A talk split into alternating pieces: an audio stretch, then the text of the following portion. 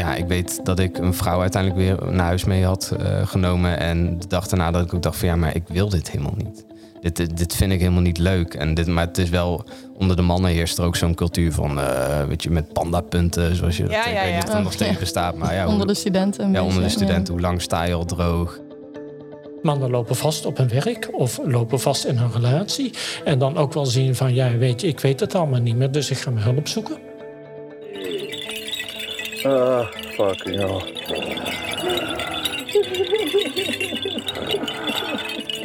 Ik heb nog nooit zoveel gezweet in mijn leven, volgens mij. Maar dit is zwaar, zeg. Holy shit, dit is zwaar. Hoi, ik ben Evie Hendricks. En ik ben Eva de Schipper. Wij denken dat het helemaal niet zo makkelijk is om een man te zijn. Daarom banen wij ons in deze podcast een weg door het hoofd van de man. Dit is Op de Man af. We gaan het hebben over iets waar iedereen mee bezig lijkt te zijn, inclusief wij zelf, namelijk zelfontwikkeling. Ja, ik denk dat we allemaal wel mensen kennen die van die ijskoude douches nemen of eh, elke ochtend heel vroeg opstaan om te gaan mediteren. En als ik dan naar mezelf kijk, ik doe aan yoga, ik doe af en toe ademhalingsoefeningen. En ik weet ook wel dat het gewoon lekker is als ik zeker drie tot vier keer in de week ga sporten. Ik zie de laatste jaren heel erg dat het ook bij mannen echt in opkomst is gekomen.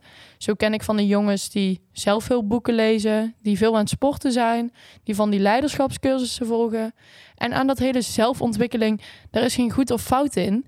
Maar het valt me wel op dat iedereen ermee bezig is. Wij zijn natuurlijk even gaan googlen. Want ja, wat kun je nou als man in Brabant doen als je met jezelf aan de slag wilt? Nou, dat is nogal wat. Ja, zo kun je bijvoorbeeld lekker gaan zweten in de zweethut. Je kan meedoen aan een mannencirkel. Je kan een dagje gaan boogschieten met de mannen. Je kan een dagje gaan hout hakken met de mannen. Noem het maar op.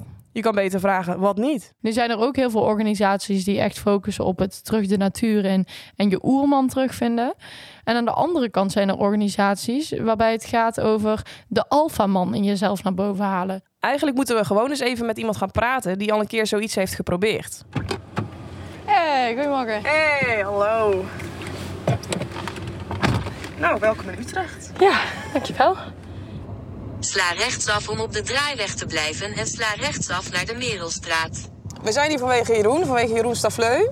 Die woont in Hartje, Utrecht. Komt uit Breda, net verhuisd.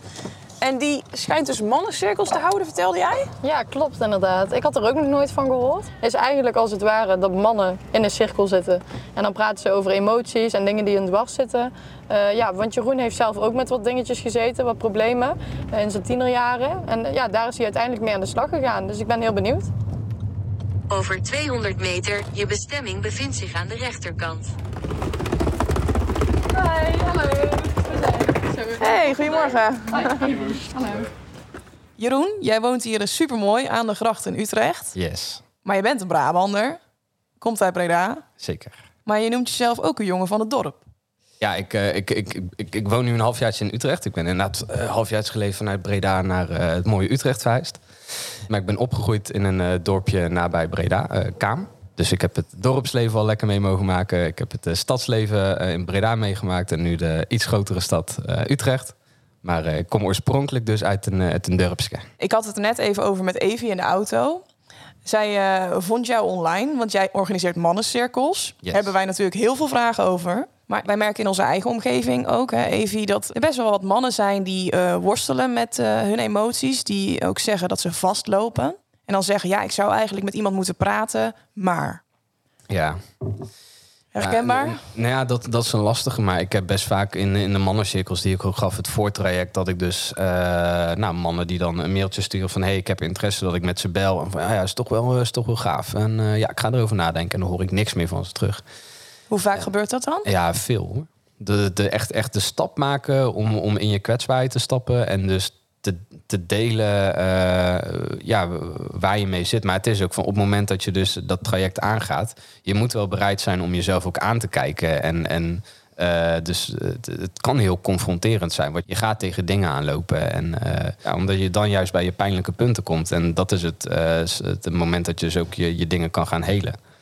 Maar ja, heel veel mannen die vinden het echt lastig om, om, om die keuze te maken. Omdat, het, ja, omdat ze het eh, niet gewend zijn. En ook eh, heel veel vriendinnen zeggen ook van... Oh, als, als ze dan horen van je geeft mannencirkels. Oh, het zou zo goed zijn voor mijn vriend. Ja, ja, ja. Dat als zal ik hem naar jou zou sturen. Maar ja, die vrienden die komen nooit. Want, want dan, dan eh, zegt, ze dat, zegt zo'n vriendin dat dan tegen de vriend. Ja, maar ik ga toch niet in een groepje...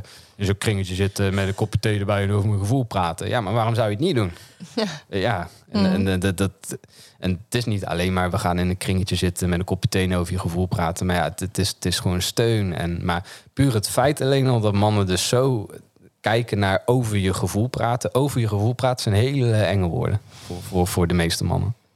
Hoe ben jij in dat wereldje terechtgekomen van zelfontwikkeling? Ik ben dus uiteindelijk naar Breda verhuisd. En daar heb ik ook wel de, het eerste jaar dat ik in Breda woonde... ook echt nou, heel veel leuke mensen ontmoet. Maar ik merkte alleen op het gebied van vrouwen... dat ik toch nog be- best wel onzeker was. En eh, nou, ik ben voor mezelf best wel een gevoelige man. Alleen op dat gebied dat ik dus eh, vaak vanuit vrouwen ook te horen kreeg van... eh, nou, ik vind je een beetje zacht of ik wil een wat hardere man. En toen ben ik dus ook wel in een periode terechtgekomen... dat ik dus heel veel ging fitnessen. Ik ging mezelf ook anders kleden. Van die eh, verschrikkelijke bodywarmers ging ik dragen. Ik had een tijdje dat ik ook van die rozenkansen ging, ging nee. dragen. Ja, ja, ja. Je, hebt een, eh, je hebt een mooi eh, plaatje voor je, denk ik. Ja. Ja. Toen kwam ik uiteindelijk wel dus in een periode dat ik mezelf eh, aankeek in de spiegel en dacht van ja, waar ben ik nou eigenlijk mee bezig? Toen kwam ik dus in een periode van feest, feest, feesten, maar dat, dat was niet wie ik in de kern ben. En Maar dat, dat feesten, is dat dan ook jouw manier geweest van vluchten? Of moet ik ja, zeker. Eh, veel alcohol drinken. Toch wel in de stad dus eh, vrouwen mee naar huis nemen en dan, dan eenmalig daar, daar de nacht mee doorbrengen. Maar ja, ik wilde een vaste partner. Ik wilde met iemand iets gaan bouwen. Gewoon waar je, eh, waar je je verhalen tegen kan vertellen. Iemand die je goed kent. Alleen dat lukte dus niet om, om dat te vinden. Toen dus mezelf anders in de markt gaan zetten, om, om maar even zo te noemen. Tegen mezelf aangelopen van ja, maar dit is ook niet wie ik ben. Wat, wat wil ik dan? Hoe kwam dat besef dan? Van dit is hem ook niet? Ja, ik weet dat ik een vrouw uiteindelijk weer naar huis mee had eh, genomen. En de dag daarna dat ik ook dacht van ja, maar ik wil dit helemaal niet.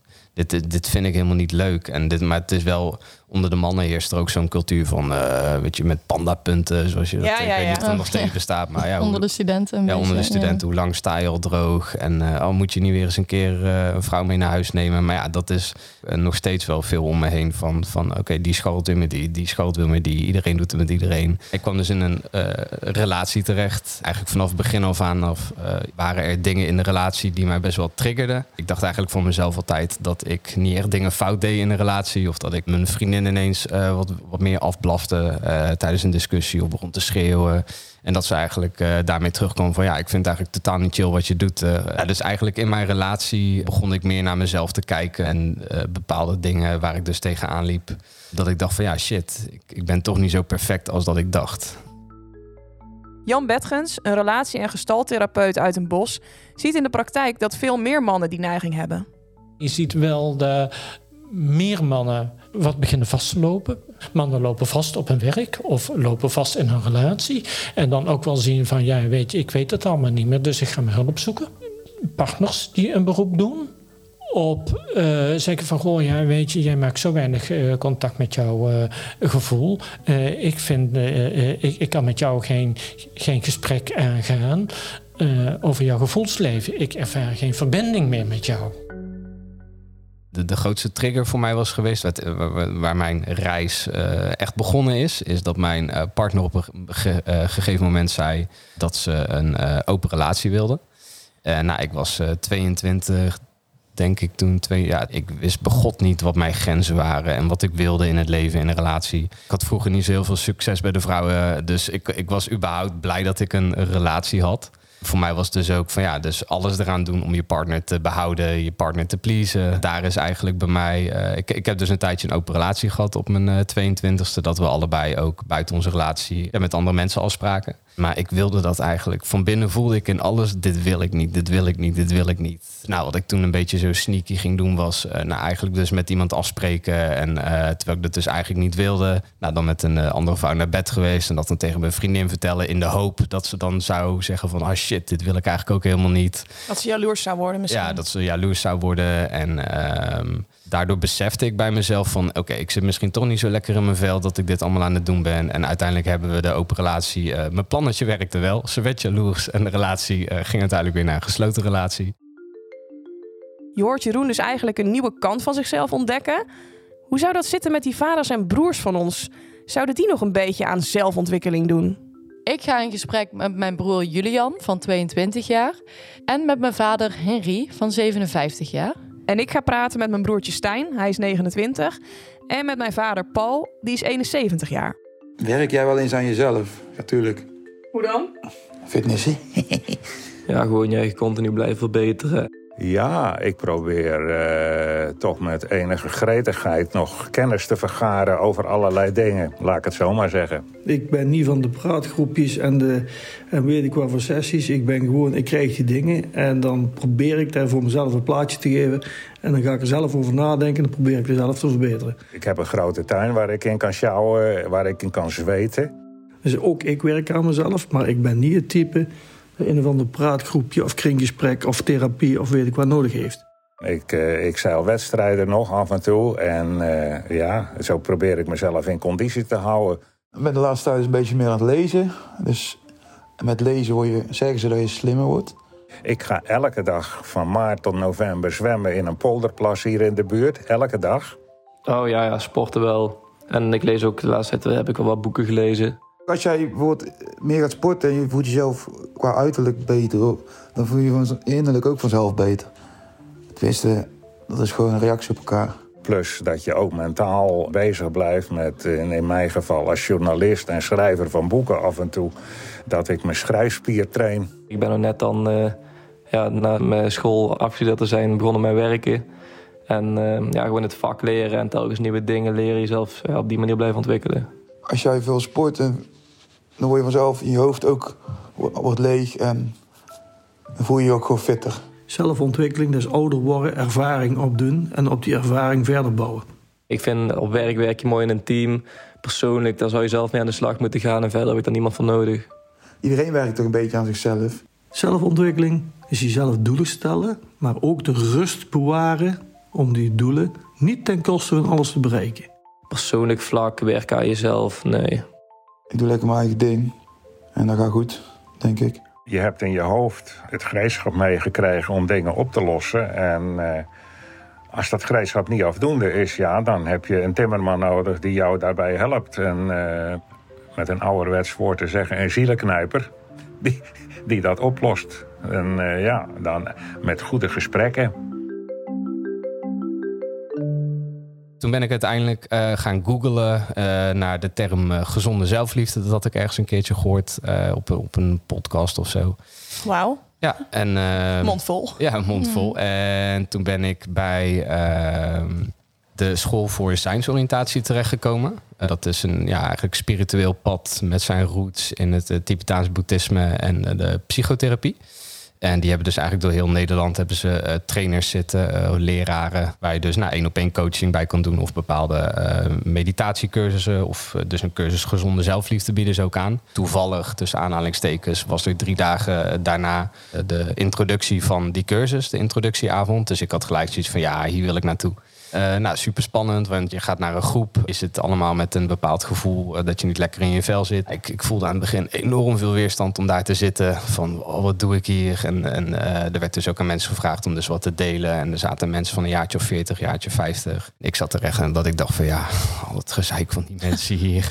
wat doe ik hier? Al die problemen, het is toch niet zo moeilijk. Jij doet dit, jij doet dat. Dat ben ik erachter gekomen dat het een van mijn patronen is. Dat als ik iets heel erg spannend vind, dat ik mezelf boven bepaalde mensen plaats. Om me zo dus niet eigenlijk kloten te hoeven voelen. Om jezelf beter te voelen. Ja, om mezelf beter te voelen. Dus aan het uh, einde van die introductieavond, uh, Ronald, dat, uh, dat is dus al heel wat jaren mijn, ja, mijn één op één coach. Ik sprak naar hem uit van, hey, ik wil, ik voel dat ik hier wel interesse in heb, maar ik, ik voel zoveel weerstand om, om hier te zijn en te zijn. En toen gaf hij me dus ook terug van, want ik vertelde van ja, en al die mensen met die problemen. En toen zei hij ook van ja, ik zie dat je jezelf een beetje boven hen plaatst. Ja, ja, ja nou, dat valt er wel mee. Nee, Jeroen, ik zie wel echt dat je... Confronterend. Ja, het is heel confronterend. Van, nee, Jeroen, ik zie dat je dit doet. Ja, ik wil je toch wel uitnodigen om dit te gaan volgen. Want ik denk juist als je, als je dit aandurft te kijken... Dat je, dat je heel veel waardevolle informatie over jezelf kan vinden. En ik heb daar zoveel aan gehad. En, en dat gecombineerd met dus in een relatie zijn... Ja, is voor mij dus heel erg waardevol geweest samen... om, om dus heel veel over mezelf te ontdekken. Hoe kwam je dan op het idee om mannencirkels te gaan organiseren?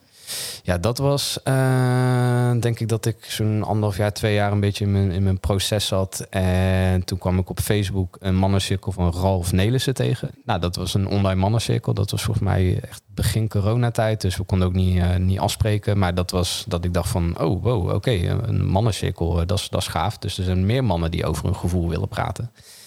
Dus die mannencirkel toen eh, gevolgd. En ja, daar ging daar echt een deur voor mij open. Dat was een groep, denk ik, van 15 mannen zoiets. Die dus allemaal hun verhalen deelden. Ja, hun miserie een beetje met elkaar deelden. Maar ook echt gelachen samen. En, en eh, gedeeld hoe, ja, hoe klote dingen soms zijn. Maar ook hoe fijn dingen ook ze konden zijn. Er was een man bijvoorbeeld van... van volgens mij een jaar of 55. Die had per ongeluk een, een vrouw van eh 25 zwanger gemaakt. Dus ja, dan, dan, ja, maar dat zijn echt heftige dingen in het leven. Van hoe ga je dat dan mee om? En waar mannen dus heel erg gewend zijn om dat in een eentje te dragen. Van oké, nou ja, ik heb dit gedaan, dit moet ik mee in mijn eentje dragen. Dus het is heel bijzonder om dat te delen met, met andere mannen. En dus je hoeft dan niet per se een oplossing te krijgen, maar gewoon de steun van andere mannen ervaren van ja, shit man, dat is, het is gewoon zwaar waar je dan in gaat. Ja, dat ja, is heel bijzonder. Soms is luisteren dus al genoeg, hoor ik. Ja, zeker. Ja. Je hoort ook vaak dat mensen echt ja, zo één persoon of één moment hebben die een beetje voor hen de doorslag gaf. En je hebt het heel erg over die verbinding met mannen zoeken. Ja. Eh, kan jij je eens een moment herinneren dat je echt voor het eerst zo'n verbinding met een man had? Ik ben toen ik mijn, mijn eh, ex-partner, toen wij samenkwamen, toen waren we een halfjaartje of een paar maanden samen. En toen gingen we naar het uh, Eigen Tijdse Jongeren Zomerfestival. Dat is een, een, een festival voor eigenlijk zelfontwikkeling. Ik kwam daar op het festival en nou, ik, ik, dat was een beetje aan het begin van mijn persoonlijk ontwikkelingsproces. Ik, ik ging rondje lopen over het terrein. Ja, uiteindelijk dus wat, met wat mensen ook in aanraking gekomen en wat aan het praten. En Bjorn, dat was een EHBO'er die daar aanwezig was, een iets oudere man van 40 jaar. hij zag aan mij dat ik heel gespannen was. Dus dan zei hij ook, ben je een beetje gespannen, jongen? Ik zeg, ja, ik, ik, voel me hier nog niet helemaal thuis. Hoe komt dat? Dus nou, met hem in gesprek gegaan. Ik zei, ja, en ik vind het gewoon een beetje ongemakkelijk. En al die, al die mensen die hier aan het knuffelen zijn, al die mannen die hier aan het knuffelen zijn. Zei van, ja, Jeroen, mag ik jou, een, mag ik jou gewoon eens een knuffel geven? Zo, uh, uh, ja, is goed. Dus nou, toen gaf hij me een knuffel. En nou, wat ik deed was het bekende afklopje. Dus dat je elkaar een knuffel geeft en dan zo, uh, oh, ja. zo afklopt. Van ja, is goed zo. En toen zeiden ja, les 1 van knuffelen, Jeroen, niet afkloppen. Dat gaan we nog een keertje doen. Dus toen gaven we elkaar nog een keer een knuffel. En toen klopte ik dus niet af. En toen hielden we elkaar zo vast. En toen zei hij, oké, het klinkt heel vaag nu als ik het zo zeg. Maar het was echt fijn. En toen zei hij ook van, nou oké okay, Jeroen, en ontspan nu eens even. Haal eens even een keer goed adem. Dus ik, oké. Okay. En dat was mijn eerste knuffel. Echt een verbonden knuffel met een man. En ik voelde me daarna ook zo relaxed. En ik keek hem zo aan en ik zei, oh, dat is eigenlijk best wel fijn. En zei, ja, maar dat is ook zo belangrijk. Gewoon broeders onder elkaar. Afgelopen twee jaar ben ik daar ook voor mezelf wat meer. Ik, ik had heel veel vrouwelijke vriendinnen om me heen. Ik, ik ben daarin ook wat meer de, de, de kracht van broederschap aan het zien. Want het is zo krachtig om mannen om je heen te hebben. En de vrouwen zijn heel fijn. Uh, hebben een hele fijne, zachte energie. Maar mannen onder elkaar is toch wat meer daadkrachtig en wat meer knopen doorhakken. En Bjorn is voor mij dus ook wel een begin geweest weer in wat meer de, de mannelijke kracht uh, in, in mijn leven omarmen. En, en wat meer mannen om me heen zoeken die uh, hetzelfde in het leven staan zoals ik sta. De mannen die luisteren, hè? En de partners van de mannen die luisteren en de ouders van de mannen die luisteren. Wat zou jij mee willen geven? Hulpzoeken wordt nog heel erg uh, als een taboe gezien. Waarom zou je geen hulp vragen als je ergens tegenaan loopt? Ik vind uh, juist om hulp vragen toont kracht. Het toont dat je dus ook bereid bent uh, je, je, je, kwetsbaarheid te tonen. En dat je dus ook dat je erkent dat je het ook niet allemaal alleen kan. En je hoeft het ook allemaal niet alleen te kunnen. Dus als, als mensen tegen dingen aanlopen, als mannen, luisteraars tegen, tegen dingen aanlopen. Ja, ik zou zeggen, ga een keer op zoek naar een coach of naar een therapeut. En ook vrouwen of, of partners van mannen. Als je man ergens tegenaan loopt, ook ga, ga, met je man zitten. Vraag naar bepaalde dingen. Vraag wat speelt er, wat is er aan de hand? Kan ik je supporten? En luister. En geef niet alleen maar een, een oplossing of wat ik zeg. Probeer niet de, problemen van je partner op te lossen. En binnen schoolverzijnsoriëntatie zeggen we ook: uh, helpen is haten. En dat, dat, dat ik aan het begin vond ik dat ook zeg. Maar soms kan je als je iemand helpt, dat is toch helemaal niet erg. Uh, eigenlijk help jij altijd iemand uh, ten behoeve van jezelf. Stel je partner zit niet lekker in de vel, of, uh, of, of, de baan is niet fijn, en zeg je ja, maar dan, dan neem toch ontslag. Ga toch op zoek naar een nieuwe baan en dan kom je met oplossingen. Ja, wat je dan eigenlijk als partner wil, is dat jou, jouw partner niet meer verdrietig is, of dat jouw partner zich niet meer kloten voelt, zodat jij weer een, een volledige waardige partner naast je hebt staan waar je gewoon leuke dingen mee kan doen. Dus vaak als iemand verdrietig is, probeer je te helpen om, om die persoon weer zich niet verdrietig te laten voelen. Want dan krijg je zelf ook weer een boost van, oh, ik heb iemand geholpen, wat leuk, wat fijn. Wat ik daarmee wil zeggen is van, probeer iemand niet ook te helpen, maar luister gewoon naar iemand als, als iemand ergens mee zit. Eh, luisteren kan zo helend zijn en je hoeft niet altijd een oplossing te, te vinden ergens voor. Wat nou als je met iemand zit, met bijvoorbeeld een partner of een goede vriend, waarvan je weet, die, die heeft het lastig, die heeft het moeilijk. Alleen hij wil het niet echt vertellen wat er aan de hand is. Hij zegt elke keer, ik wil het niet, hier niet over hebben. Of het is allemaal niet zo erg, dat hij het Ja. wegwuift. Wat dan? Het beste wat je kan doen als, als, als vriend is naar iemand luisteren en dus aangeven van hé, hey, ik, ik heb toch echt het idee dat je ergens mee zit. Ik ben er voor je als je je uit wil spreken. eh, ik, ik, ik- je kan me altijd bellen of ik kan altijd naar je luisteren. Maar als iemand echt niet wil delen waar, waar, waar hij of zij mee zit, het kan best wel goed zijn dat die persoon dus eerst in een hele diepe depressie moet komen om zelf hulp te gaan zoeken en zelf uit te gaan reiken en zelf te gaan voelen van oh ja, ehm, shit, ik moet toch wel aan, aan, eh, aan de bak. René, wij hoorden jouw vorige aflevering natuurlijk al vanuit de bossen bij Hilvarenbeek, bij Ad Hamers, op retraite. Maar dit keer horen we deel 2. Jij gaat met een hele groep mannen naakt een zweethut in. Ja, nou, dat klinkt heel gechargeerd maar dat, ja, daar komt het inderdaad wel op neer. Ja, hoe je je moet voorstellen als je deelneemt aan zo'n retret... is dat je bouwt uiteindelijk zo'n hele dag er naartoe op. Dus we zijn in, de ochtend beginnen voor met hout hakken. Dat hout wordt dan gebruikt voor een vuur. Nou, dat vuur wordt aangezet. De stenen worden erop gelegd. Dat is die stenenceremonie. Die kun je terug horen in de vorige aflevering hoe dat dan ging. En nu gaan we inderdaad iets anders doen. Dat zijn die stenen die worden gebruikt voor de zweethut. Ik ging wel eens een drempel over, maar eh, het, het, ja, het was wel zeg maar extra pure ervaring, om maar zo te zeggen.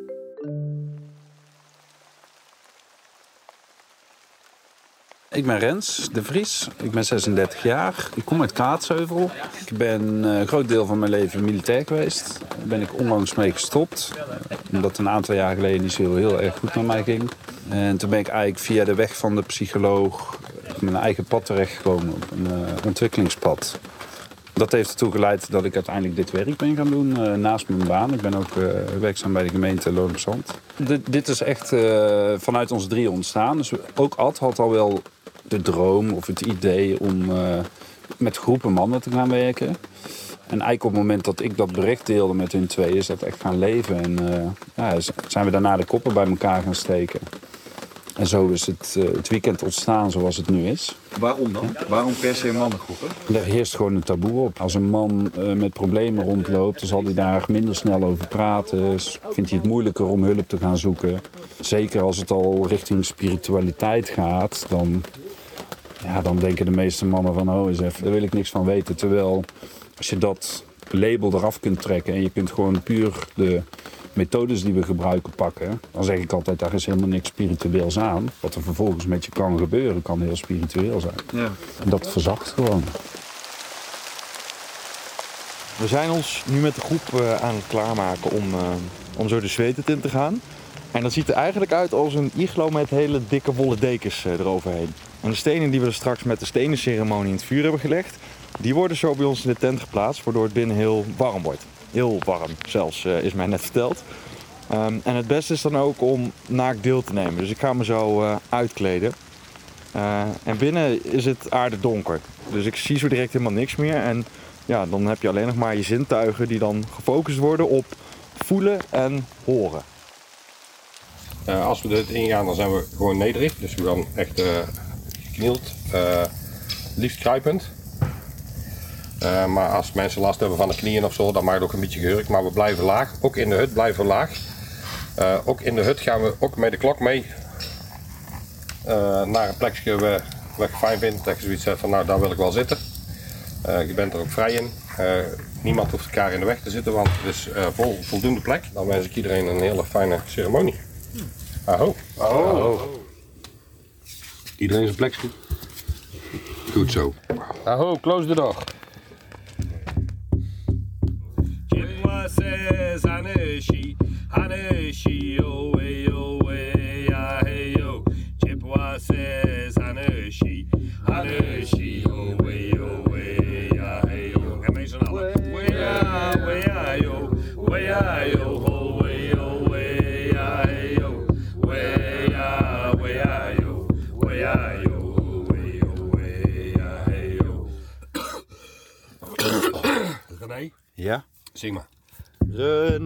René Chessassi. Aneshi, oh, hey, oh, hey, ja, hey, oh.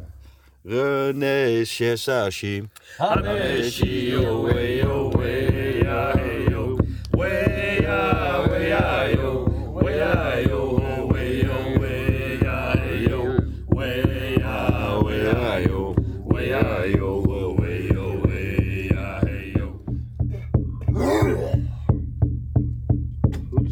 Laat de energie stromen. Open je hart. Open je hart.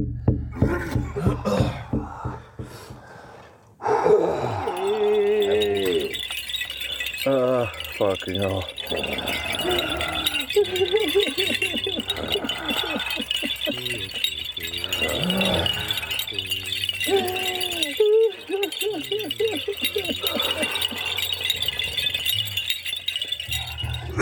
loslaten, dan laten we ook los. We hoeven niet te weten wat, maar we laten los. Status update. Ik ben buiten gaan zitten. Ik zit onder de modder. Op de grond liggen omdat het gewoon zo warm was en niet vol te houden was. Ik heb nog nooit zoveel gezweet in mijn leven volgens mij. Maar dit is zwaar zeg. Holy shit, dit is zwaar. Het was eh, weer heel intens.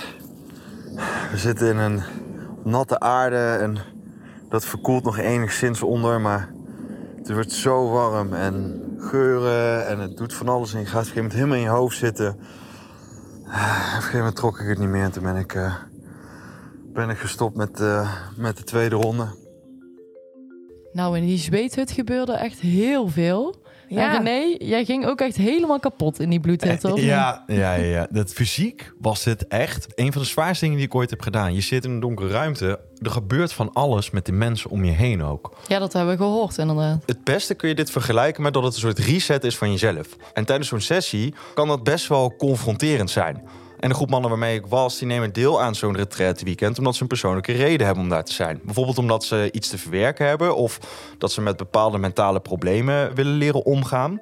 En ik merkte ook dat sommigen echt in zichzelf aan het keren waren. En vervolgens in de hut kwam dat... al die emoties die kwamen toen los. Ik zat erbij als, als journalist en ik was juist heel erg bezig met alle indrukken helemaal op te nemen wat er allemaal gebeurde. En ik hoorde mannen echt eh, emotioneel ja, breken. En doordat ze gingen huilen eh, of door heel hard te gaan schreeuwen. Als je dan ook nog eens in zo'n zo'n warme, donkere ruimte zit en je ziet al niks, ja, dan komt dat allemaal nog intenser binnen. Ja, en één momentopname waar mij heel erg bij is gebleven is dan... We kwamen die tent uit en, en ik zat zelf ook helemaal onder de modder, want daarbinnen zit je op aarde. En, en ik ging zo met mijn blote voeten daarna door de modder heen lopen, daar in het bos. Eh, en links van me had ik dan intussen dat kampvuur aanstaan. En, en ik weet nog wel dat ik toen wel echt even zo'n heel erg oergevoel had. En ehm, ja, dat vond ik toch wel heel lekker. Zijn we aangekomen bij toch misschien wel de belangrijkste vraag? Ja. Want dit was de laatste keer dat jij op pad bent gegaan voor de podcast. Ja, ja, ja. Wat is je nou het meest bijgebleven van dit hele proces? Wat mij heel erg bij is gebleven, wat heel vaak terugkwam, een van de conclusies die ik voor mezelf een beetje had, is dat me opvalt dat er bij mannen heel erg aan het voorwerk zit. Het kwetsbaar durven zijn, dat dat de grootste barrière is. Dus niet per se de problemen, hè, dus dat we het hebben over de kern van het probleem, maar meer het hele stuk wat daarvoor is. En dit is nog steeds wel een onderwerp waar echt nog wel veel in te winnen valt. Ehm, de grappige voorbeelden die ik heb is als ik het op een verjaardag over onze podcast had. We waren hiermee bezig. Mhm. Ik was aan het oriënteren. En dan is het natuurlijk ook gewoon interessant om gewoon zoveel mogelijk in je netwerk met mannen hierover te praten. Zeker. En ook als ik dat deed, hadden we het echt gewoon over hele inhoudelijke, kloppende, goede dingen. Maar er was wel even nodig dat ik zei dat ik een podcast aan het opnemen was. En dacht wel, nee, maar dat, dat is best tof. Oh, eh, heb jij dat ook? Ja, nee, ik heb ook wel eens gepraat met iemand. Of ja, oh ja, nee, zo reageer ik ook wel eens op mijn vriendin. Of, en dan was iedereen heel erg mooi voor zichzelf op een bepaalde manier aan het praten. Maar je had wel een aanleiding voor zo'n gesprek. Ik had, ik had een aanleiding. En dat is dan het voorbeeld wat ik net weer noemde. Van er moet toch wel even iets gebeuren dat eventjes dat voorwerk weg is, Mhm. zeg maar, bij mannen. Ja. Ja, Ze moeten even over die drempel geholpen worden, als het ware. Als, ja precies. Nou, Evie, dat was hem dan. Ja, wat een gek moment. Ik kan wel zeggen dat ik wel mannen anders ben gaan bekijken. En jij? Ik ook, zeker. Ik heb echt wel een paar wijze lessen geleerd over mannen. Mannen willen heel veel zelf oplossen. En eerst proberen om het zelf eh, van binnen eh, op een rijtje te krijgen voordat ze het delen met anderen. En ik heb toch wel gehoord dat je daardoor tegen dingen aan kan lopen. Tuurlijk kan je soms echt wel zelf iets oplossen.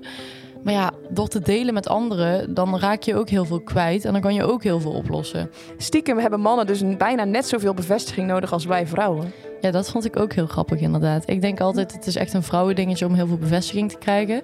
En mannen zeggen het misschien niet altijd, maar ze willen die bevestiging eigenlijk ook krijgen. Wat me ook heel erg is bijgebleven is ehm, het stukje emotie. Bij mannen is vaak het eerste wat je ziet de emotie. Maar zoals je dan Jan Betgens ook hoorde zeggen... dat is eigenlijk nog maar het topje van de ijsberg. Mm. Want wat je niet ziet, is het gevoel wat onder die emotie schuil gaat. Mm. En als je daarbij stil gaat staan, elk moment dat je een akkefietje hebt met je partner, met je broertje of met je vader, dan krijg je echt een heel ander perspectief. Ik denk dat ik de mannen in mijn leven nu ook wel heel anders ga benaderen. Wij zeiden natuurlijk aan het begin van deze podcast... wij denken dat man zijn niet makkelijk is. Nee. Nou, dat is gebleken. ik, Kun je wel ik- stellen, ja. Ik denk wel dat wij kunnen zeggen dat dat klopt. Zonder te zeggen dat geen één man over gevoel praat. Er zijn er wel een hele hoop die daar moeite mee hebben. En wat je dan toch allemaal voor jezelf moet houden... en wat je met jezelf op moet lossen, dat is echt een hele hoop. Dit was de allerlaatste aflevering van Op de Man Af. En ik denk dat ik wel voor ons beiden kan spreken dat wij heel erg dankbaar zijn eh, voor de mannen in ons eigen leven. Zeker. Onze vaders. Ja, Julian, mijn broer, Henry, mijn vader. In mijn geval eh, Paul, zo noem ik hem nooit, papa. en, en Stijn, mijn broertje, die eh, in eerste instantie echt totaal niet wilde. Nee. Maar uiteindelijk echt heel veel rol heeft gehad tijdens de opnames. En heel stoer van ze. Ja. Mm. Los van onze vaders en broertjes hebben wij heel veel mannen gesproken. Waarvoor ontzettend veel dank. Mm. Bedankt voor jullie openheid en jullie kwetsbaarheid. Het waren hele mooie en vooral ook hele pure, eerlijke gesprekken. Heel erg bedankt voor het luisteren. Dit was Op de Man Af.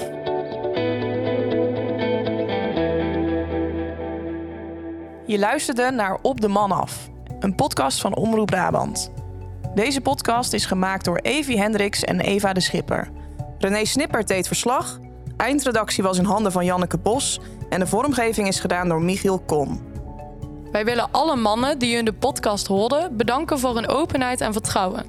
Daarnaast willen we alle experts natuurlijk bedanken. Wil je meer podcasts van Omroep Brabant luisteren?